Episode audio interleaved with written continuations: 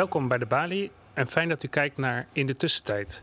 Gesprekken voor in de avondlockdown vanuit de pleinzaal hier in de Bali. In deze gesprekkenserie praten we met verschillende gasten over onderwerpen die onderbelicht blijven tijdens de coronacrisis. Mijn naam is Jelle Baars en ik zit hier vandaag met Arjen van Velen, journalist, schrijver, essayist bij onder andere de correspondent en de NRC. Welkom Arjen. Dankjewel. Fijn dat je er bent. Uh, we gaan het vandaag hebben over verschillende dingen: groeiende ongelijkheid, polarisatie, uh, maatschappelijk ongenoegen en haar voedingsbodem is zeer belangrijk. Waarom zijn mensen boos? En de mogelijke politieke gevolgen, sociale en politieke gevolgen daarvan. Um, je schrijft uh, voor de correspondent als correspondent uit Rotterdam. En uh, ook heb je onlangs een, nou, twee jaar geleden geloof ik, ja. een boek uitgebracht, Amerikanen lopen niet, waar ook veel van deze thematiek in voorkomt. Um, directe aanleiding voor het gesprek was eigenlijk een uh, artikel in NRC. Het is wonderlijk hoe weinig nieuwsgierig we zijn naar de ongevaccineerde groep die ons zou gijzelen. Arjen, waarom uh, voelde je de noodzaak om dit artikel te schrijven?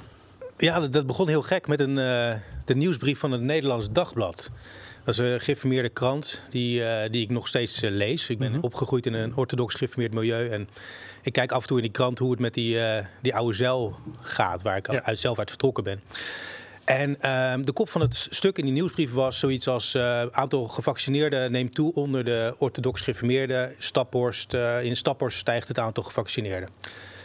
Nou, dus op dat, in die periode was het heel populair om uh, Staphorst uh, te bashen. Want dat was, uh, de plek waar uh, de mensen niet in de wetenschap zouden geloven. En waar, ieder, waar ja, idioten zouden wonen die wel op God, maar niet op het vaccin vertrouwden. Dus ik was wel verbaasd, want kennelijk stijgt het daar. En um, nou, ik weet het exacte percentage van die tijd niet meer uit mijn hoofd. Maar ik ging dat eens vergelijken met mijn eigen stad, Rotterdam. En Rotterdam als stad zat iets hoger. Dus meer gevaccineerden. Maar als je ging inzoomen op wijkniveau, dan zag ik zo uh, twaalf uh, stadsdelen die ieder voor zich al groter waren dan uh, Staphorst, maar waar minder gevaccineerden waren. Dus ik had een stuk of twaalf Staphorsten in mijn eigen stad. En dat ging dan om, ja, heel grof gezegd, mensen die sociaal-economisch op de bodem leefden. De, de wijken waar de armoede het hoogst was, waar de toeslagenaffaire het, het hardst was toegeslagen. Daar waren ook de meeste ongevaccineerden. Ja, en toen dacht ik, hoe, hoe raar is het dat we... Op, op dat moment ging het in uh, de media... Uh, over het algemeen ging het... De wappies kwamen veel aan, uh, aan bod. In de zin van dat, dat, dat verwer, verwerpelijke types waren die demonstraties organiseerden. Staphorst was, zoals ik zei, een populair onderwerp om op te, ja, te schelden. De kop van Jut echt. Hmm. Maar de bulk van de ongevaccineerden, dat waren mensen zoals in, in Rotterdam-Zuid. En die, ja, die kwamen niet in beeld. En die uh, ja, vormden eigenlijk een blinde vlek. En toen dacht ik, ja, dat is raar. Want zelfs als je um, die ongevaccineerden als de grote bedreiging ziet, het grote gevaar. En dat, dat was op dat moment in ieder geval zo. Uh, Hugo de Jonge zei dat uh, het een pandemie van uh, ongevaccineerden was. Maar zelfs als je dat uh, gelooft, dat, dat, dat de grote bedreiging is, die groep, dan zou je verwachten dat mensen geïnteresseerd zijn in wie dat precies zijn. Dan zou je er iets aan kunnen doen. Ja. Maar die interesse die ontbrak, die, die zag, ik, zag ik zelf in elk geval niet. En nou, dat vond ik zo raar. Dan dacht ik, juist als ik onder progressieve. Uh, in mijn progressieve bubbel zag ik mensen schelden op Staphorst. Terwijl ze in hun eigen wijk misschien wel meer ongevaccineerden hadden wonen. die ze helemaal niet spraken, die ze niet zagen staan. Dan dacht ja, dan is, dan is er iets heel erg scheef in onze beeldvorming. Ja, beeldvorming in, in, in ons interesse. Ja. En uh, nou ja, zo, zo ja, vandaar dat ik dat artikel schreef. En dat um, vond ik zelf eigenlijk een open deur. Want ik dacht, ja, dit zijn gewoon uh, cijfers die, die, die openbaar beschikbaar zijn. Het is geen verrassing dat er um, twaalf staphorsten in Rotterdam zijn. Um, maar dat zorgde voor een enorme, ik kreeg een enorme respons op die ik eigenlijk niet verwacht had. En misschien. En wat, en wat was de, de hoofdgedachte van die respons? Nou ja, heel veel mensen vonden het fijn om te horen van uh, ook uh, ongevaccineerden. Van ja, je neemt ons uh, serieuzer dan. ja, je scheldt ons niet uit voor, voor Wappie. Want ik had het niet alleen over die mensen in Rotterdam Zuid. Maar ik was ook naar coronademonstraties gegaan. Waar ook vaak zie je datzelfde mechanisme. Er loopt één gek met een galg rond. Mm -hmm. En daar gaat 99% van alle aandacht naartoe. Er loopt één demonstrant met een, een jodenster. En dat is allemaal verschrikkelijk. Maar die 30.000 mensen die daar zonder jodenster lopen... en die daar om heel veel diverse redenen zijn... en die uit een heel diverse groep bestaan... Uh, ja, daar, die krijgen dan niet de aandacht. En ik... Uh, ja, mensen, sommige mensen zijn blij van uh, wat fijn dat je verder kijkt dan, dan je neus lang is. Maar er zijn ook mensen die zeiden van ja, hallo, het zijn niet alleen maar zielige sociaal-economisch zwakkere mensen die ongevaccineerd zijn. Er zijn ook mensen die hoog opgeleid, um, goed inkomen, maar die om politieke redenen of om ja, gezondheidsredenen en op basis van andere informatie dan, dan ik tot me neem, uh, een heel wel overwogen keuze maken om zich niet te vaccineren. Uh, mijn broer bijvoorbeeld, die, die zei van, die is niet gevaccineerd en die, die zei van ja, en die is ook niet arm of zo, die is ook niet zielig, maar die, die heeft gewoon een bepaald, ja, voor hem is het een soort statement van, ja, een protest zou je kunnen zeggen. Ja, ik laat me niet vertellen wat ik, wat ik moet doen. Nou, nou niet eens dat, want hij, hij is ook niet, dan, dan zou het bijna een soort ehm, uh, nee, dit, bij, hem, bij hem speelt meer dat hij vindt dat er heel veel scheef zit in de samenleving. Uh, en dat, ja, dat, dat, ja ik, ik, zou, het hem moeten vragen, want ik weet niet precies wat hij speelt. Maar in elk geval, hij, hij, is, niet, hij, is, niet een, uh, hij is niet dom en hij is goed geïnformeerd en hij maakt een andere keuze dan ik. Ja. En die, die groep heb je natuurlijk ook. Ja. En ik vind dat je dat tot op zekere hoogte gewoon moet, moet respecteren. Zolang er echt niet een ehm, het water aan onze lippen staat. Ja. En, uh, nou. Maar je, je zegt dus eigenlijk, er bestaat niet zoiets als een groep ongevaccineerden. De ongevaccineerde, dat is een illusie, die bestaat niet. Nee, natuurlijk niet. Nee. Nee, dit is heel, heel fijn om zo'n term als wappie te hebben. Ja. Uh, vrienden van me die gebruiken die term. Ik vind het een vreselijke term. Ik vind dat uh, bijna erger dan het N-woord. Uh, je moet mensen in nooit over één kam scheren. Maar wappie daarmee, als je dat woord gebruikt, dan zeg je in feite al van ik stop met denken. Ja. Ik, ik, noem deze mensen, ik neem deze mensen totaal niet serieus. En ik, ik snap het ook wel, want er zitten vreselijke mensen bij onder, onder de ongevaccineerden. Uh, zoals er onder in de samenleving. ja. maar, en ze zijn ook in zekere zin daadwerkelijk ja, een bedreiging voor de volksgezondheid, zou je kunnen zeggen. Maar het heeft helemaal geen zin om daar dan één etiket op te plakken en, uh, en, en, te stoppen met nadenken. En ik moest gaan denken, ik fietste van de week door Rotterdam en er was een. Uh, uh, je, je, hebt overal op lantaarnpalen heb je van die actiestickers. Mhm. En um, daar zag ik een sticker met de tekst: Hier zat een wappie-sticker, nu niet meer. Dus het was een, iemand die, die een anti-wappie-sticker Ja. over een wappie-sticker had Ik zag de, hier een stukje verderop dezelfde sticker. Nou, hier. Het is, Ja. in Amsterdam is het ook al gesignaleerd. Ja. In elk geval, ik dacht, ja, dit is zo symbolisch. Eh, een debat het is dat je een wappie hebt, of hoe je hem noemen wil, en die, die zegt iets. En daaronder zit dan een sticker van, nee, ik vind het onzin. Dan, dan heb je een gesprek. Maar nu heb je een, een sticker die over die andere sticker heen gaat. En het, en, en, het, en het probleem is weg, Ja, waarmee de stem eh, van die groep eh, wordt gecensureerd, bij wijze van Ja, spreken. ja heel, heel dramatisch gezegd. Het gaat hier over, over stickertjes. Hè? Maar ik vond het symbolisch voor hoe, hoe er gedebatteerd wordt. Het is, ehm, het is een heel aantrekkelijk idee om te denken... als we de demonstratie verbieden, dan is, is, is de onrust weg. Ja. Als we Baudet voor de rechter slepen dat hij dit niet mag twitteren... dan is het, is het probleem weg. En eh, ja, was het maar zo simpel. Ja. En eh, ik bedoel, dan, dan zou ik er ook nog wel voor zijn. Maar het is niet zo simpel. En ja, En dat is wat je dus bedoelt met, met gebrek aan interesse, nieuwsgierigheid. Van ook de wappie heeft zijn beweegredenen waarom die de dingen doet. En daar moet je naar luisteren, wil je verder eh, komen. Ja, een simpel voorbeeld van de ongevaccineerde een Gronings onderzoek dat, dat eh, volgens mij niet genoeg aandacht kon krijgen. Die hadden gewoon tienduizenden eh, mensen ondervraagd van of ze gevaccineerd waren of niet. En, en zo, zo nee, wat waren de, de redenen? Daaruit kwam voor, eh, naar voren dat 7% van die ongevaccineerden eh, zei van ja, die was bang dat het het eigen risico zou raken. Nou, dat is niet waar. Het is gratis. Maar er is kennelijk een groep die denkt van dit kost geld. En dat is niet zo raar, want de afgelopen eh, decennia is, eh, is het eigen risico van nul, we hadden het eh, vroeger niet, gegroeid via 150 euro naar nu bijna 400 euro. Dus in de hoofden van veel mensen, en zeker mensen die, die niet zoveel geld te besteden hebben, zit dat idee van dokters, artsen kosten geld. Nou, dan kun je, kun je zeggen dat zijn wappies, die hadden beter nationaal moeten kijken. Maar uh, de grote meerderheid van de Nederlanders kijkt niet nationaal. En er zijn 2,5 miljoen uh, laaggeletterde Nederlanders. Dat zijn mensen die de krant uh, met moeite of niet kunnen lezen. En daar, daar is dus een aanzienlijk deel, want 7% over die miljoenen ongevaccineerden. En dan heb je het over honderdduizenden mensen die door een heel simpel te verhelpen misverstand niet gevaccineerd is kan je twee dingen doen. Je kan zeggen het zijn wappies. En je plakt er een sticker op en je bent klaar. Andere ding is, je gaat naar die mensen toe met uh, mensen die ze vertrouwen, informatie op eigen niveau. In, misschien in, in, de juiste taal. en biedt ze dan die vaccinatie aan. Daarmee ben je als samenleving verder, want de vaccinatiegraad stijgt. En je hebt die mensen beschermd, want het zijn kwetsbare mensen, ook, ook vaak in fysieke zin, dikker dan gemiddeld. En misschien uh, ja, vatbaarder voor, voor de, de heftige variant van corona. Dus ik snap niet waarom dat niet meer gebeurd is. En het gebeurt ook wel. Ik bedoel, in, in, op kleine schaal. mijn eigen huisarts die in Rotterdam. Die, die trekt de, de, wijken in om mensen te overtuigen dat vaccin te nemen.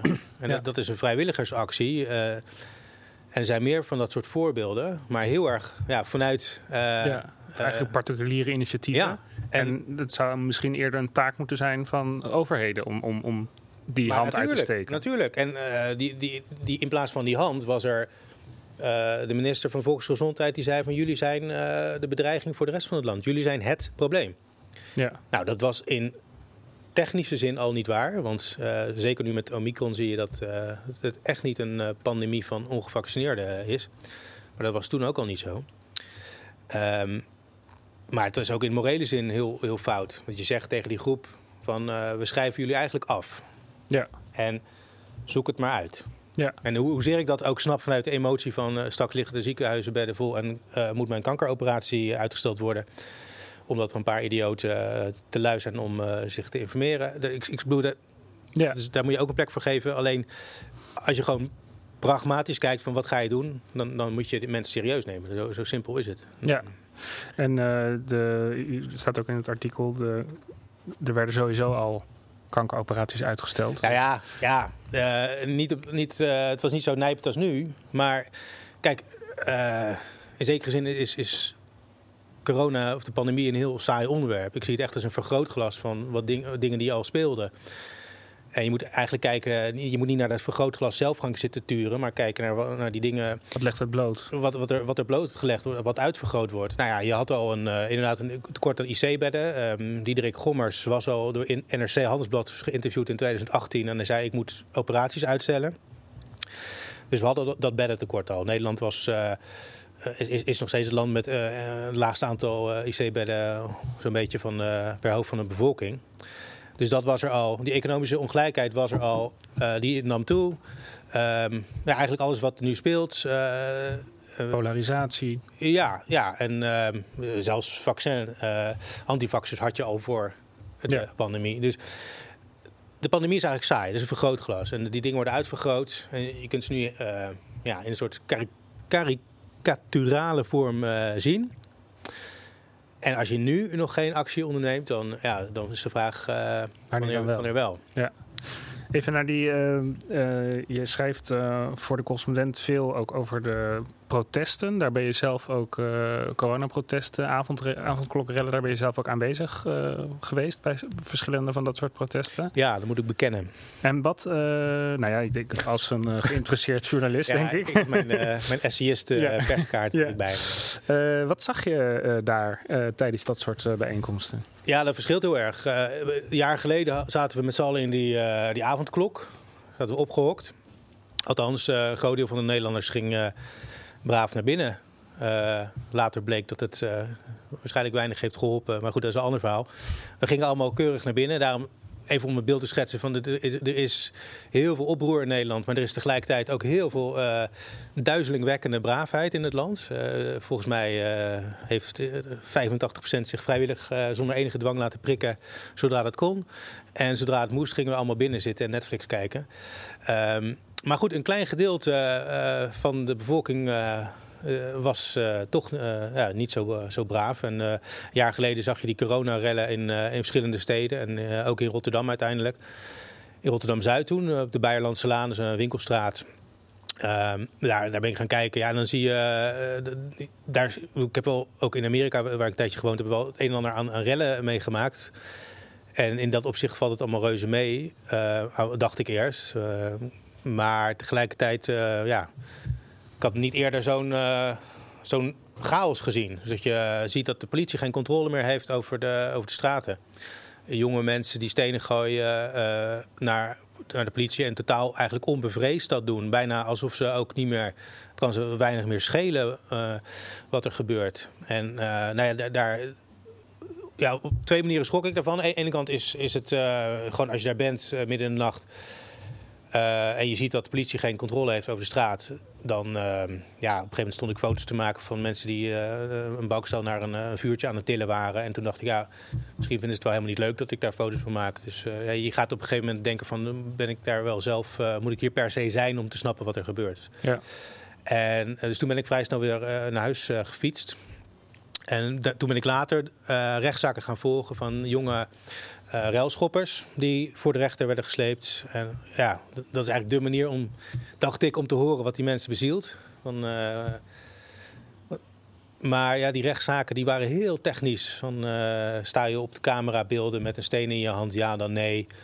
al die jongens die waren braaf geïnstrueerd door een advocaat om te zeggen... ik wist niet wat me bezielde, liet me meeslepen. En kreeg behoorlijk forse straffen, vond ik. Omdat het heel zwaar werd opgepakt officier van justitie vergeleken met uh, Aleppo.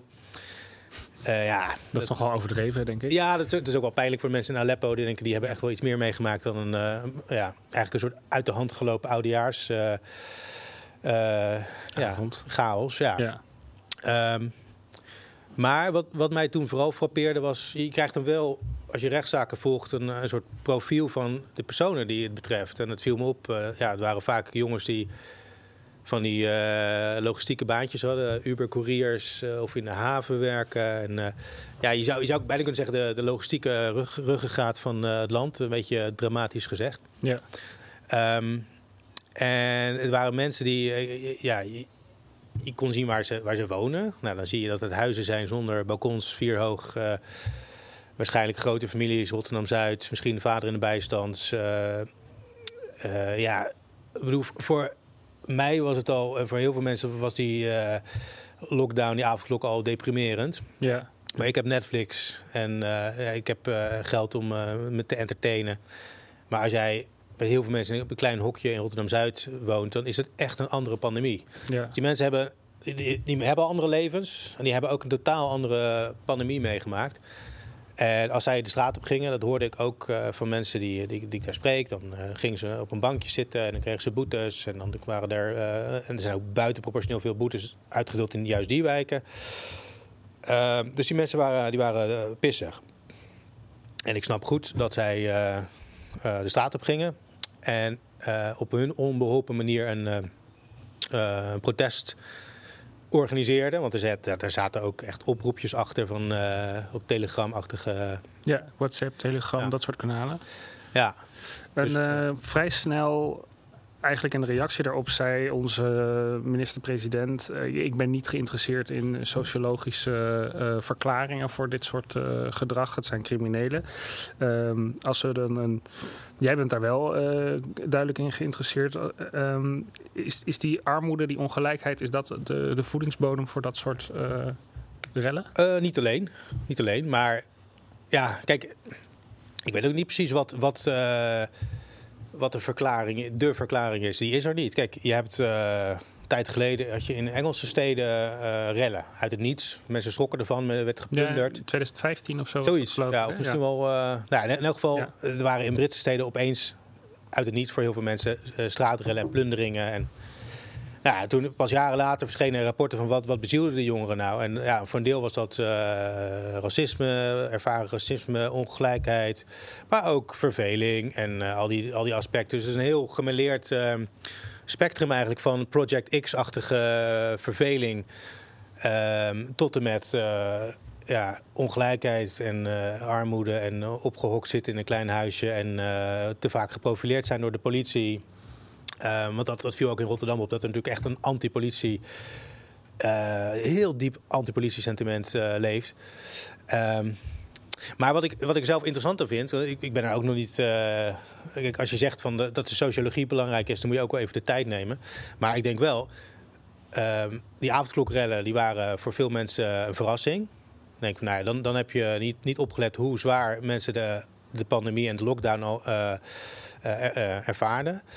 Um, maar als je, als je vervolgens zegt: Ik ben niet geïnteresseerd in de oorzaak ervan, dan moet je ook niet verbaasd zijn dat je een half jaar of een jaar verder weer een uh, straatrel hebt. En heftiger dit keer. Want wat er op de Koolsingel is gebeurd een tijdje terug in Rotterdam. Ja, daar, daar, is, daar heeft de politie 60 keer geschoten. Ja. En er zijn er mensen die zeggen, ja, dat zijn uh, trigger-happy agenten. Maar ik, ik heb wat mensen gesproken die daar uh, werkte die avond als, als agent, als ME'er. En ja, die vertelden me van wat zij daar hebben meegemaakt, dat hebben ze echt nog nooit. Die, waren, die mensen waren doodsbang voor hun eigen leven. Want daar, ze werden aangevallen met, met zwaar vuurwerk. En dat, dat zijn geen, geen rotjes, dat zijn in feite gewoon, gewoon explosieven. Maar ze stonden daar tegen een overmacht en die was zo kwaad. En er was zo'n ja, giftige cocktail van groepen die daar wilden vechten met de politie. Die, die door inschattingsfouten eh, gewoon veel te klein, uh, ja, kleinschalig of uh, te weinig opgeschaald was.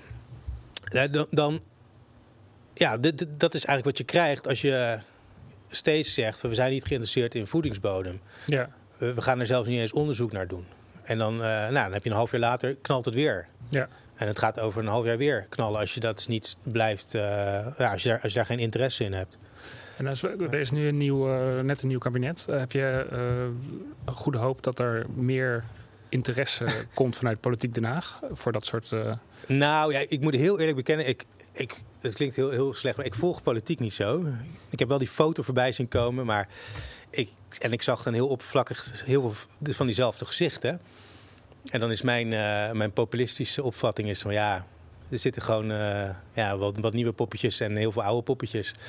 Maar vooral die premier zit er nog. De, de man die, die, uh, waarvan vriend en vijand zeggen dat hij liegt vaak. En dat hij, niet, en dat hij niet geïnteresseerd is in, in oorzaken. En dat hij. Nou ja, dus ik, ben daar, ik, zie, ik heb daar geen verwachting van dat, het daarvan gaat komen. Um, maar goed, dat is een ongefundeerde populistische opinie van mij. Maar wat ik wel wat ik heel interessant vind, van die, uh, die Koolsingel-rellen, maar ook al in, op de Bijlandse Laan, daar zag je groepen mensen op straat komen die normaal gesproken elkaar niet zo snel treffen. Er waren, plat gezegd, Marokkaans-Rotterdamse straatjochies van, van 15 of, of 16. maar er waren ook havenwerkers, witte, witte mannen van, van 40 plus. Er waren corona, doorgewinterde corona-demonstratieveteranen. Onrecht TV was er geloof ik. Een van, een van die mm -hmm. mensen die is neergeschoten had het kanaal Onrecht TV. Dus dat was een hele bizarre mix. Je zou bijna zeggen een, een heel diverse groep. Ja, en wat bindt al die groepen? wantrouwen richting de overheid. Want dat, dat is wel trouwens, ik zei net van ja, ik weet niet of het te pinpointen is op één. Uh, ik weet niet of er een uh, silver bullet is of zo. Maar uh, ik denk wel dat een, een gemene deler is wantrouwen. En dat wantrouwen is voor een groot deel door de overheid zelf gezaaid. Kijk naar Groningen, dingen beloven en niet nakomen. Keer op keer op keer. Kijk naar de toeslagenaffaire. tien jaar lang mensen als bij een soort van default als, als uh, verdachte zien.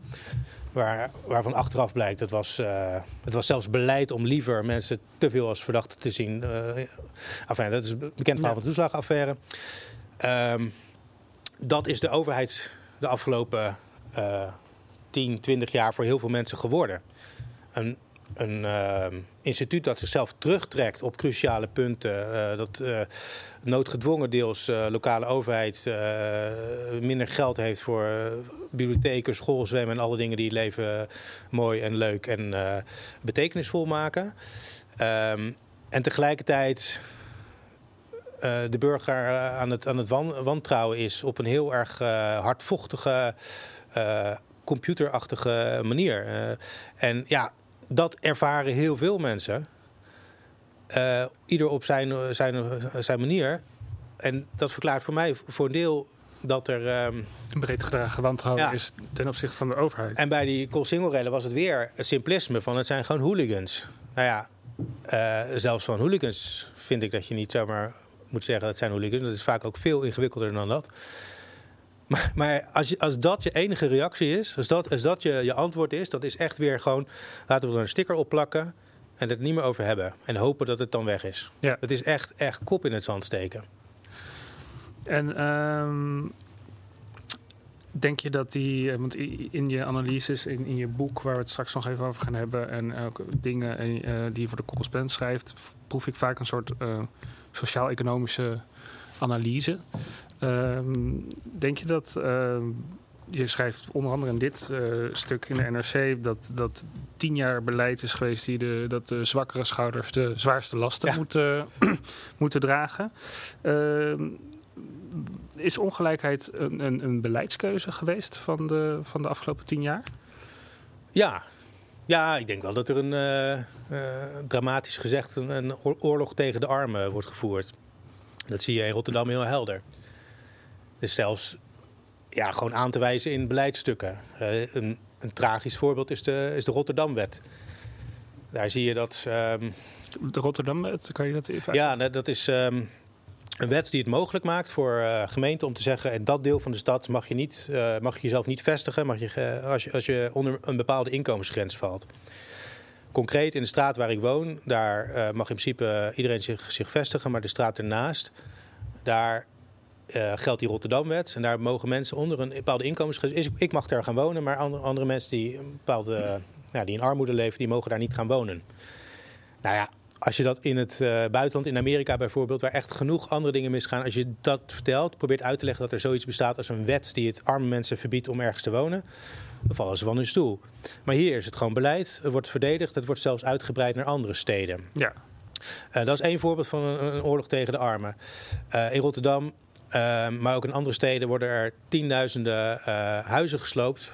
Die bedoeld zijn voor mensen met lagere inkomens. En er worden nieuwe huizen neergezet die bedoeld zijn voor mensen met midden- of hoge inkomens. Dat is ook een onderdeel van het letterlijk wegjagen van mensen uit hun huis.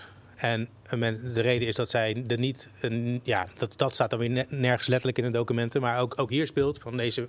Wij willen, en dat staat er dan wel weer letterlijk. We willen kansrijke uh, gezinnen uh, in de stad. Ja. Kansrijke gezinnen. In Rotterdam was op een gegeven moment zelfs. werd er over bakfietsgezinnen gepraat. Wat weer codetaal is voor mensen zoals ik, hoewel ik geen bakfiets heb. En, Witte middenklasse. Ja, eh, of een middenklasse van kleur. Want je ziet ook heel veel uh, mensen van kleur in een bakfiets. Dat, dat, dat is echt... Uh, zeker in Rotterdam gaat het veel meer, denk ik, over die, die strijd tegen die... ja, de, de, mensen op de bodem worden... worden moeten, moeten we niet hebben, zijn ongewenst. Ja, als, als dat je officiële beleid is... Um, hoezo ben je dan verrast als er op een gegeven moment een paar jochies dan niet meer pikken en, en stenen gaan gooien. Uh, dat, dat, die, het uh, officiële beleidsmatige geweld staat eigenlijk in geen verhouding tot, tot die paar bakstenen. Um, dus ja, ik denk dat dat, dat speelt. Maar er speelt tegelijkertijd veel meer. Hè. Dat is ook uh, wat ik in Amerikanen lopen niet probeer te schetsen. Van het, je hebt in de wetenschap altijd van die debatten van het is de identity stupid of het is de economy stupid. Maar dat is allebei stupid, want het is een mix. Het is ja. een combinatie van, uh, je ziet heel veel hoogopgeleide, uh, welvarende mensen die uh, onbehagen voelen met de staat van het land. En je ziet andersom mensen op de bodem die juist geen problemen zien. Dus het is veel, veel ingewikkelder dan dat. er speelt ook dat ja, de, de rolpatronen aan het veranderen zijn en mensen daar ongemakkelijk van worden. Ja, dus er loopt van alles door elkaar. En in Rotterdam zie je die verschuiving zo heel, heel um, ja, het is eigenlijk heel contrastrijk, omdat het tot voor kort echt. Het was de armste stad van Nederland. En nu is het dus nog steeds de armste van de grote steden van Nederland. Maar de binnenstad verandert in extreem hoog tempo naar een stad uh, ja, voor um, hoogopgeleide mensen met goede banen. Die ja, Vergelijkbaar met Amsterdam misschien? Ja, maar, maar met dit verschil dat Amsterdam was altijd al de place to be. En Rotterdam was juist een place uh, to not be. Of uh, een no-go area. En nu, daardoor is het contrast zo groot. Want het is nog steeds ook de armste van de grote steden. Dus je ziet die twee sporen zo naast elkaar. En ja, dat, dat vind ik fascinerend. En dat is, ik denk dat dat... Um, ik vind het helemaal niet erg als mensen identiteitsdebatten voeren. Want uh, ja, een mens kan niet leven van brood alleen, zoals de, de Bijbel zegt. Je hebt ook culturele uh, essentiële behoeften. Een sense of belonging. No. Ja, ja, maar uh, wat je niet moet gaan krijgen is dat... Ja, dat, dat vind ik... Uh, nog één voorbeeld te noemen van die... die Rotterdam-wet, wat dus een, een wet is waarin staat dat mensen met een bepaald inkomen ergens niet mogen wonen. Die wet wordt toegepast aan de hand van ehm, nou, vergt wat, wat, wat, wat uitleg, maar je hebt, je hebt de leefbarometer. Ja. Dat is een soort meetinstrument. Het klinkt heel erg uh, beta-achtig, een meetinstrument. Om te kijken hoe goed het met, met de wijk gaat. En dan heb je allemaal factoren. En een van die factoren bij die uh, eerste leefbarometers was uh, de etnische samenstelling van een wijk. Nou, uh, als je dan in een bepaalde straat woonde waar mensen met een niet-westerse migratieachtergrond wonen, dan daalde de leefbaarheid volgens die meter. Dus dan ging het metertje naar achter en naar het rood. En het bizarre daarvan is, iedereen die daar één seconde naar kijkt, weet ik klopt niet. Het zou betekenen dat als burgemeester, eh, de burgemeester van Rotterdam in jouw straat komt wonen... Dan gaat hij achteruit. Dan gaat de leefbaarheid achteruit. Dus dat, dat meetinstrument dat zo exact klinkt als een, uh, uh, als een kijkerteller is volkomen flauwekul. Ja. Alleen dat wordt wel gebruikt om te kijken waar die Rotterdam-wet wordt toegepast.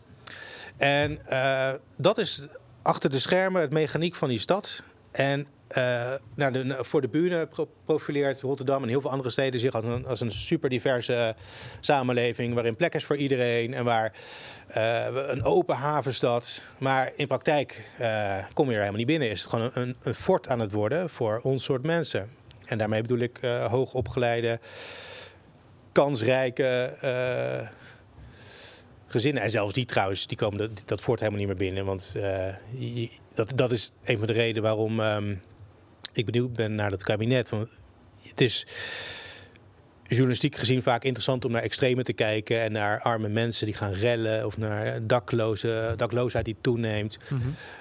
Maar maatschappelijk gezien is dat eigenlijk een heel hard gezegd een te verwaarloze groep. Niemand uh, maakt zich uiteindelijk echt druk om dakloosheid. Het, met kerst is er elk jaar een reportage over hoe zielig mensen zijn, dat er veel meer zijn. Maar uiteindelijk wat een maatschappij echt ontwrichten gaat, is als, uh, als de als de middenklasse wijken uh, de grond onder hun voeten voelen uh, verschuiven.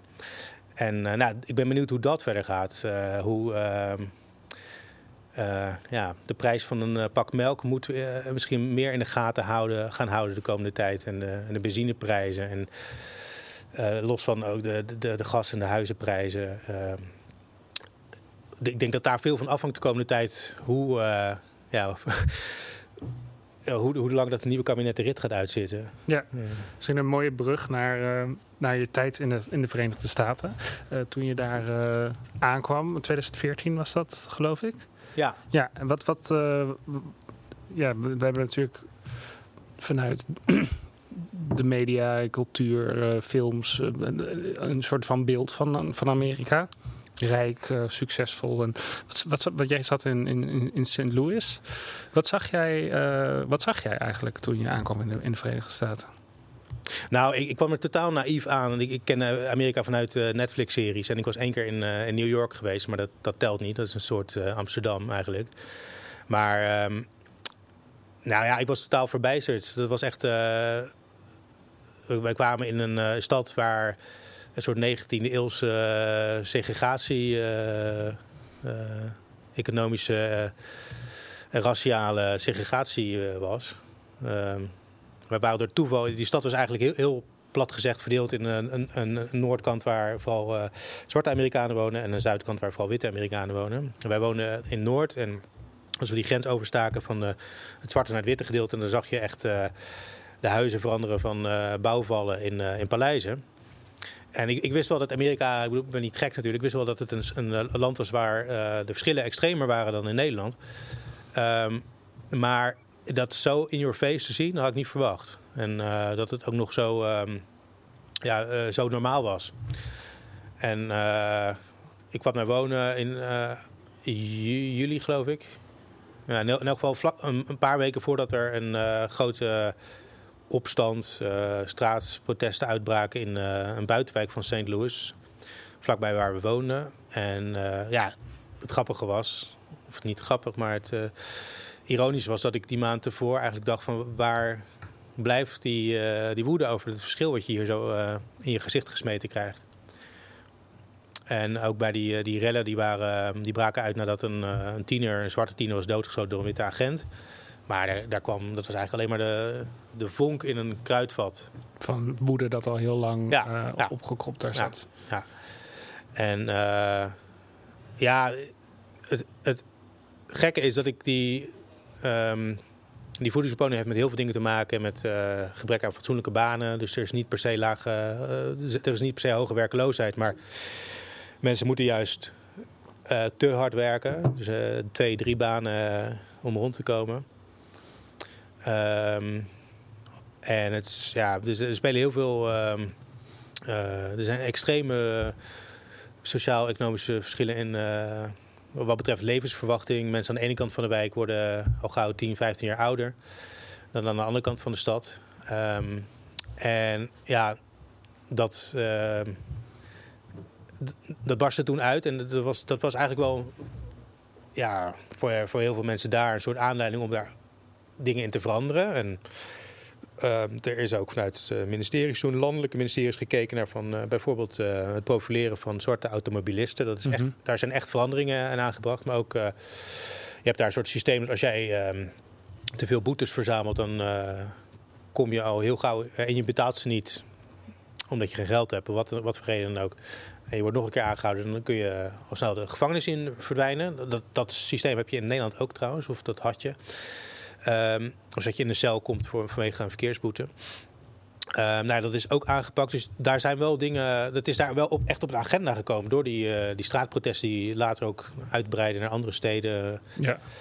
Uh, de, de, hashtag Black Lives Matter heeft echt wel dingen veranderd. En heeft ook weer voor polarisatie gezorgd. Dus het is, het is een beetje een dubbel gevoel uh, van hoe ik daar naar kijk. Maar uh, het heeft wel mijn blik gevormd, ook voor Nederland. En, ja, uh, want wat ik uh, een mooi, mooi stuk vind in het boek is dat je in het begin ben je heel erg, kijk je erg naar die raciale verschillen. Er ligt de focus erg op de zwarte Amerikaan. En op een gegeven moment maak je een tocht langs wereldsteden in, in, in Missouri. Plaatsen die dorpen, gehuchten eigenlijk, die plaatsnamen hebben als Parijs, Napels, dat soort dingen. Ja. En daar zie je een andere verarmde klasse. En dat is een voornamelijk witte klasse. En je schrijft op een gegeven moment zoiets als. Ehm, dat je niet verwacht dat deze groep ooit iets van zich laat horen. Ja. Heb je je daarin vergist? Ja. Ja, want dit was nog voor de opkomst van uh, Trump. Ja. En uh, nou ja, die, uh, dat was ook een soort opstand. Ik denk de kapitoolbestorming was daar een soort het hoogte- of dieptepunt van. Van een, uh, een, een, opstand van een uh, ja, andere groep Amerikanen die uh, onzichtbaar waren. En ehm, ja, de, eigenlijk was St. Louis, het is een stad in het Midwesten, dus het is, het is ver van de, de populaire kuststeden. Je, hebt daar, je bent omringd door platteland. En dat is dat typische platteland dat leeggezogen is door de Walmarts en de Amazons. Dus waar je half verlaten dorpen tegenkomt. En megaboerderijen naast uh, ploeterende uh, family boerderijtjes. En ja, daar, daar zie je die twee, die twee stromen van het land eigenlijk samenkomen. En ja, ik denk, ik denk dat zeker de laatste jaren ben ik meer gaan zien dat die, die woede van die. Ehm, eh, ook die, die opstanden in uh, Ferguson, die werden uiteraard en terecht ook uh, vanuit een, raciale bril bekeken. Want het is daar vrij duidelijk dat racisme, racisme, een rol speelt bij de politie bijvoorbeeld. Maar als je alleen die bril opzet, dan vergeet je dat, dat die bijna exact dezelfde vorm van profilering ook plaatsvindt op het platteland, waar bijna geen, in ieder geval daar bijna geen uh, zwarte Amerikanen wonen. En die hebben even goed te maken met uh, die uh, politie die echt mensen helemaal kapot bekeurt. En ja, dan, dan weet je in elk geval dat de verklaring niet alleen die raciale bril nee, kan zijn. Dus voornamelijk segregatie, economische isolatie, uh, sociaal-economische isolatie, dat zijn dan factoren die, uh, die daar een grote rol spelen. En misschien ook culturele isolatie, in de zin van dat, dat, dat, dat ehm, er zijn natuurlijk wel reportages genoeg geweest van journalisten die de, de extreme arme mensen in Appalachia gingen opzoeken. Maar ik denk dat ja, er is ook een grote groep, en dat zijn mensen die niet per se op de bodem uh, leven, maar uh, iets erboven. Eigenlijk die nog het meest te vrezen hebben, die nog mm -hmm. het diepste kunnen vallen. Um, en die zich zorgen maken en die zich niet vertegenwoordigd uh, zien door de politiek of door de media. Um, en die, ja, die, dat, dat is denk ik ook een hele grote groep die, die aandacht verdient. Ja. Al was het maar uit eigen belang, want wat er nu gebeurt is natuurlijk en, en is, is dat ook wat je bedoelt toen je net zei van we moeten kijken naar die middenklasse, uh, dat die niet, niet, niet wegzakt? Ja, ja, ik denk dat daar. Um, ja, daar valt het meest. Uh, dat is de grootste groep nog wel, denk ja. ik. Dus daar, daar valt ook het. Uh, daar, als daar iets verandert, verandert het hele land. En heel plat gezegd. Ehm, ik ben ook eh, voor eh, het boek over, Rotterdam dat ik nu schrijf, zoek ik ook allerlei subgroepen van de stad op. Ik, ben bij daklozen gaan logeren in, in zo'n uh, overnachtingsplek. En dat is aan de ene kant super interessant, maar tegelijkertijd is dat niet hoe, hoe. Dat zegt eigenlijk niet zo heel veel over de stad. Het zegt iets over de stad hoe we dakloze mensen behandelen.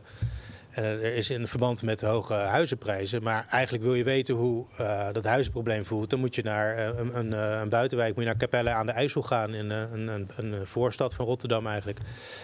Waar ik ook een tijdje gewoond heb. En elke keer als ik er nu kom, mijn ouders wonen er nog. Dan denk ik, nou, dat, dat is aan het verloederen. Het zijn geen zielige mensen, zijn niet straatarm. Je ziet geen zwervers op straat. Maar er is een soort afgebladderdheid in die voorheen...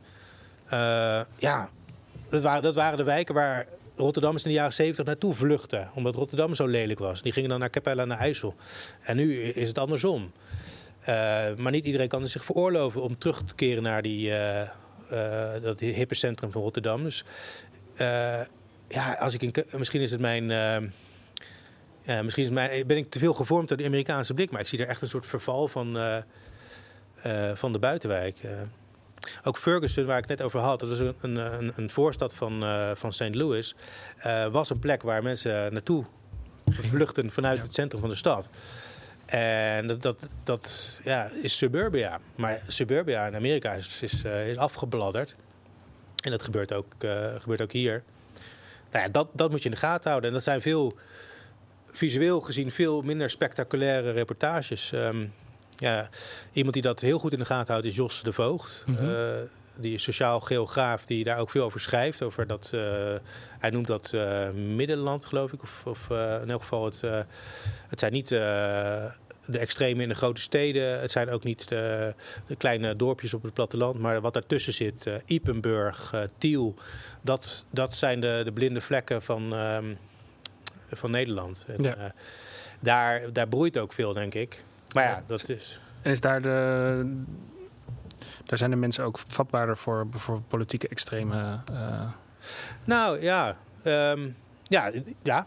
Als je kijkt naar, naar wat ze stemmen, en dat is al uh, in Rotterdam heel duidelijk te zien, dat in, uh, het, in Rotterdam is de, Leefbaar de grootste partij, maar omdat er zoveel versplintering is, Leefbaar heeft 15 of 20 procent geloof ik.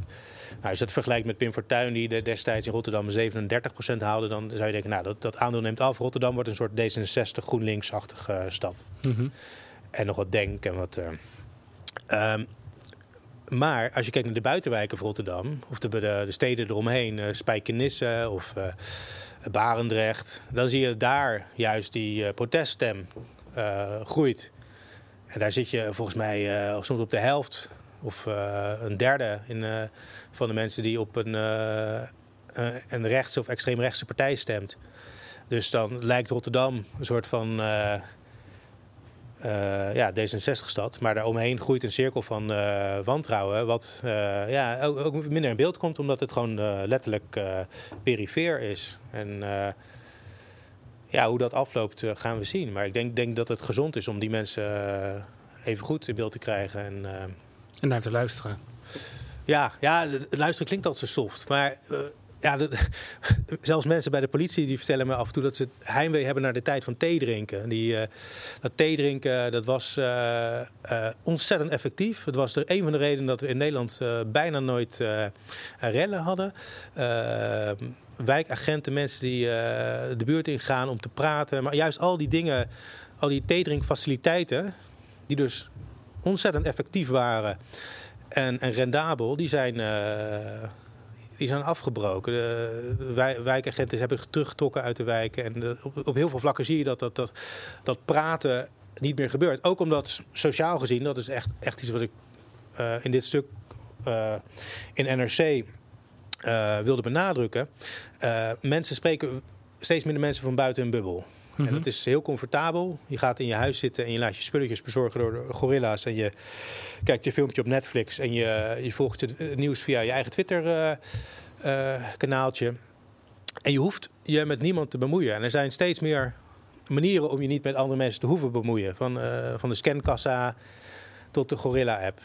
Uh, en dat is comfortabel, want mensen zijn uh, soms heel vervelend. En irritant en uh, gevaarlijk. Letterlijk gevaarlijk. En alleen als je, wat je dan krijgt, als mensen totaal geen feeling meer hebben met andere mensen. En dan, ja, dan is het hele concept van de samenleving is gewoon stuk. En die bubbelvorming, die is natuurlijk op heel veel manieren al jaren gaande. Door internet, door geografische bubbelvorming, door huizenprijzen. Maar um, ja, dat, en, en, door het af, afschaffen van de dienstplicht, zou ik bijna zeggen. Van je, mhm. Voor heel veel mensen was de basisschool de laatste keer dat ze iemand van een andere sociaal-economische achtergrond uh, langer dan twee seconden spraken. Um, en ik tel dan de schoonmaker die mee, die je zwart betaalt en waar je eigenlijk geen, geen babbel eh, mee hebt. Maar in ieder geval, dat, kort op de bocht gezegd, is dat men, uh, de toestand voor heel veel mensen. Um, en dat is verergerd door corona, want daardoor zijn we letterlijk uh, in ons, uh, in ons huis, gaan zitten. Ja. en die lockdown waar we nu in zitten is, is één grote boostercampagne voor ja, bedrijfjes zoals Gorilla's, die dat thuis zitten nog eens extra makkelijk maken. En voor Netflix. En, en eigenlijk een soort bonus. Bonus voor de polarisatie. Ja, en voor bankhangen, voor ja. thuis zitten. En, dus, en indirect ook voor het niet meer spreken van mensen buiten je bubbel, waardoor die kloof maar kan groeien en groeien. En waardoor het straks weer gaat exploderen. En um, ja, eigenlijk, daar, begon net over dat Nederlands dagblad, die geïnformeerde uh, zeil waar ik in opgroeide. En ik zat laatst te denken van ja, die kerk, daar had je. Er zit uh, de banketbakker naast de advocaat, naast uh, de, noem maar op. Die zitten naast elkaar aan de bank. En dat is helemaal geen uh, ideale wereld. Ik ben er niet voor niks uit, uit, vertrokken. Maar dat aspect van dat jij met verschillende sociaal-economische groepen in één ruimte zit en iets deelt, waar vind je dat? Ik zou niet zo, zo 1, 2, 3 weten. Nee. Ik ook niet. Misschien, misschien in een metrocoupé voor vijf minuten. Dat je... ja.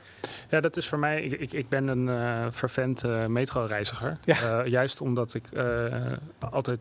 dat je daar allerlei verschillende klassen mensen bij elkaar ziet komen in een ruimte die zich tot elkaar moeten verhouden. Dat is zeker zeer antropologisch, sociologisch ja. interessant om, om te gaan zitten. Het is echt grappig ja, dat ik nu. Zelfs die metro staat onder druk, hè?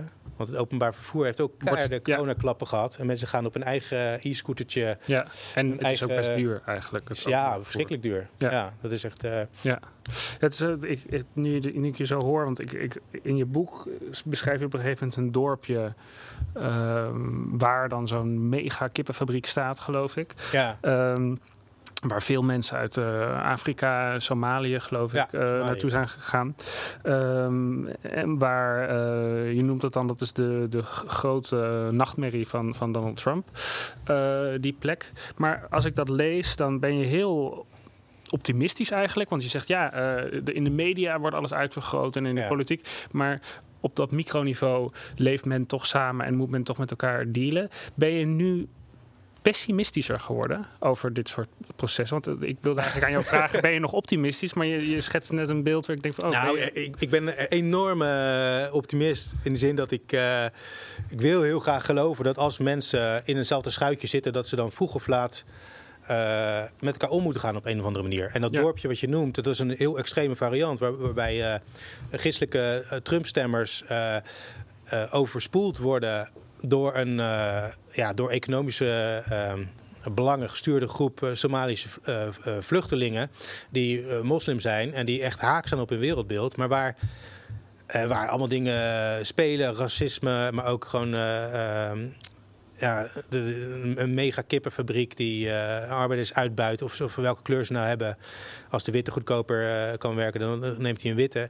Dus dat, dat cynisme heb je aan de ene kant. Tegelijkertijd op dat soort plekken is er hoe onbeholpen ook een gesprek. De mensen komen elkaar letterlijk tegen op straat. De, de stoepen zijn gewoon domweg te smal om elkaar niet tegen te komen.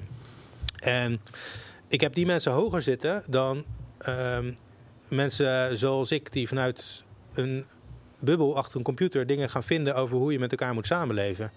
Ga het maar doen. Ga maar. Uh, uh, ja, ga je buren spreken in plaats van. als je een zak chips nodig hebt, de Gorilla-app bellen loop naar je buren. En dat is, dat is niet alleen sneller, maar je hebt ook een gesprek. Of loop naar de buurtwinkel, nog beter. Want dan heb je een soort ja. sociaal weefsel. En uh, ja, ik, toevallig was ik de afgelopen tijd veel bezig met, met de haven van Rotterdam. Wat, ook uh, een soort dystopische plek is waar steeds meer banen zijn weggeautomatiseerd. En nog een klein groepje mensen werkt. En daar zie je ook die bizarre diversiteit eigenlijk. Dat je uh, witte oudere mannen hebt die daar werken al een hele leven lang met kapotte ruggen. En een jongen aan was van uh, veel Marokkaanse en Turkse uh, Rotterdammers die daar komen werken. Uh, ook wereldbeelden die echt mijlenver van elkaar verwijderd zijn. Maar op een goed moment sta je daar dan. Ik ben er zelf ook een paar dagen gaan werken om dat te ervaren. Je staat op een, op een wiebelig platform in de regen. Tientallen kilometers letterlijk van het centrum van Rotterdam. Um, en één foutje kan, kan fataal zijn. En in de kantine heb je, ja, heb je een gesprek. Eh, want uh, het ergste wat men daar vindt is als je in je, mobieltje gaat zitten turen.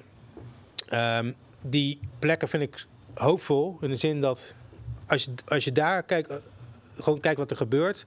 Dan gebruiken mensen foute, foute taal. En ze, zijn soms gewoon onbeschaamd racistisch. Of ze weet ik veel, uh, er zitten criminelen bij die drugs uh, binnensmokkelen. Maar er is ook een soort... Cohesie. Ja, cohesie is, is een, is een, uh, een groot woord. Sociologenwoord zou ik ja. bijna zeggen, à la Mark Rutte. Maar er is daar een, die mensen komen elkaar tegen. Ja. En het stomme was, ik kwam daar een jongen tegen die ook wel eens bij mij in de buurt in Rotterdam rond, rondhing. En het gekke was dat ik hem daar in mijn eigen wijk nooit gesproken had. Maar nu zat ik 40 kilometer verderop in, uh, tussen de containers in, uh, in de haven van Rotterdam. En ik heb een gesprek met hem. En dat soort uh, plaatsen moeten we koesteren. En dan gaat het om, ook om de bibliotheken bijvoorbeeld, die echt een soort toevluchtsoorden zijn voor mensen. Um, we moeten de buurtwinkels boosteren. Die echt, wat mij betreft mag er meteen een verbod komen op die op die scooters uh, van, Gorilla's en van Flink en Gorilla en Getir. Uh, en we moeten het belang daarvan zien, want anders zitten we straks allemaal van achter ons eigen schermpje te kijken hoe de, hoe de samenleving uh, afbrokkelt. En oh, ze zijn weer aan het rellen op de Cool of waar dan ook. Ja, dus als om de, de kloof te dichten, uh, moeten we plekken creëren waar mensen elkaar kunnen ontmoeten en uh, met elkaar in, in, in, uitwisseling kunnen staan. Nou ja, die, die plekken zijn er al. Ik bedoel, uh, heel veel werkvloeren. Dat, dat is. Ehm, ja, ik heb dat zelf helemaal niet door. Want voor mij is de lockdown eigenlijk. Er verandert niets. Ik zit achter mijn computer in een, in een hokje te typen in Rotterdam. Maar heel veel mensen werken. Ik denk de helft van de Nederlanders werkt op een werkplek waar je ze niet makkelijk kunnen thuiswerken. Een postbezorger die, die werkt in een orderpickersmagazijn. en, of dan je een sorteercentrum voordat hij zijn, zijn wijk gaat lopen. Ja, die, die spreekt mensen en die, die groep is diverser dan wat ik tegenkom in mijn leven. dus die plekken zijn er al, maar die staan onder druk. En ehm, door bijvoorbeeld automatisering of door ja, die niets ontziende Amazonisering van de wereld. Ehm, de, de kostprijs van uh, online kopen is natuurlijk niet alleen dat je die, die vervuiling enzovoort, maar ook gewoon dat, dat er uh, winkeltjes in je eigen wijk verdwijnen. Ehm, ja, dat, dat zijn dat, dat, dat, weefsel.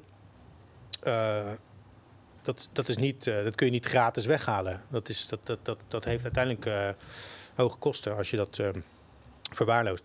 Ja, dus veel ongemak komt voort uit dat mensen zich in hun, in, ja, het Engelse woord livelihood uh, uh, aangevallen voelen. Dat ze, dat ze minder zekerheid zien. Nou, ehm, ik denk dat eenzaamheid een heel grote rol speelt. Dus als jij, als jij mensen spreekt, dan ben je minder snel van je stuk gebracht. Dan, ben je, dan heb je, voel je ik denk dat heel veel mensen in een soort kokonnetjes zitten en daardoor ja, een soort oogstrijp zijn voor ex extremisten en voor, voor de radicale types zoals Willem Engel of, of Baudet. En alleen als je, ja, als je wil dat mensen niet die kant op gaan, dan, dan moet je niet zeggen we plakken een sticker over die radicale types heen en het is klaar. Nee, dan, dan moet je kijken van hoe kan het dat die mensen zo vatbaar zijn geworden. Ja. En, je bent zelf journalist. En wat, wat is de, de, de verantwoordelijkheid van de media hiervoor? om, om dit uh, Op straat, uh, vaker op straat zijn. Ze weg van die kantoorbubbel waar de meeste journalisten zitten. Um, ik, ik, vind het elke keer echt verbijsterend hoe, hoe slecht je de wereld kunt zien van achter je computer. Want aan de ene kant heb je alle informatie, alle data, maar er is een soort te veel. En er is ook, mensen kunnen. Um, je hebt ervaring in de werkelijkheid nodig om dingen te kunnen plaatsen. In het artikel in NRC citeer ik uh, iemand, een socioloog, uh, Knijn, die, Trudy Knijn heet ze, emeritus socioloog, die het, woord sociale afstand gebruikt. Ik weet niet of dat haar term is, maar um, sociale afstand tot de kwetsbaren. En die sociale afstand is eigenlijk gewoon een soort, ja, als je niemand kent in je omgeving die uh, gedupeerd is door de toeslagenaffaire, denk je al gauw van, oh, dat zal wel meevallen. En ze hebben toch 30.000 euro gehad en wat, wat, wat zeuren die mensen nou nog? En als je zo iemand tegenkomt, en het kan, uh, kunnen je buren zijn, dan denk je, hé, hey, wacht, uh, dit is echt een heel ander verhaal. Dit is veel heftiger dan ik, dan ik op basis van zelfs al die uitgebreide krantartikelen die erover zijn verdwenen. Ik, ik, vond het in ieder geval zelf een openbaring toen ik, toen ik gedupeerden sprak en dacht, hey shit, het is echt onvoorstelbaar. Het gaat helemaal niet eens over geld wat die mensen hebben is overkomen. Het gaat over soort krenking van uh, een heel uh, ja, een bazaal gevoel van vertrouwen. En dat is dus ook niet op te lossen met dat geld. En pas dan begon die affaire die echt heel veel in het nieuws is geweest, uh, voor mij te leven. En dat is denk ik wel, vond ik voor mezelf een les. En misschien voor meer journalisten. Van, ga als de sodemieter uit je, uit je kantoor weg. En ga mensen buiten je bubbel spreken. En dan niet alleen als, ja, als journalist. Hit and run. Ja, dat kan, kan, ik denk dat het echt helpt om, en, uh, om dat minder pragmatisch te zien. Want als journalist ga je vaak denk je, oh, ik moet een dakloze spreken. Ik ga naar een dakloze toe. Ik heb hem gesproken. Ik ga weer terug. Maar je kan misschien beter, um, ja, weet ik veel, een, een, hobby nemen. Waarbij, of een sociale kring opzoeken. Een vereniging. Waarin je in aanraking komt met andere mensen dan je eigen bubbel. Waar je vervolgens helemaal niet over hoeft te schrijven. Maar je kunt dan en dat geldt helemaal niet alleen voor journalisten. Het is ook politici en hele... Bedoel, die hele toeslagenaffaire duurde niet voor niks tien jaar of zo voordat, dat, voordat mensen dat gingen geloven. Mensen in uh, rechters of uh, journalisten of politici, dat ze het echt zagen. En dat komt, uh, zegt die uh, Trudy Knijn, echt door die sociale afstand. Als je niemand kent in zo'n positie, dan denk je, nou, nee, het zal wel meevallen. En dat is een vorm van, ehm, ja, je moet je eigen kring diversificeren. En dat deden we vroeger via dwarsverbanden zoals de vakbond en de kerken, noem maar op. Uh, de, de, muziekvereniging. Alleen ja, juist die dingen zijn we... Staan onder druk. Ja. Dus uh, ik, zou, zou bijna zeggen, ga, ga, bij een kerk. Maar ja, dat vind ik een beetje overdreven. Dat is niet voor iedereen. ga, bij een, ga, bij, ga, bij, ga bij een club. Ja, bij een vereniging. Ja, ja. Arjen, mag je heel hartelijk bedanken voor het gesprek. Ja, graag gedaan. En u ook thuis heel erg bedankt voor het kijken. En tot de volgende keer.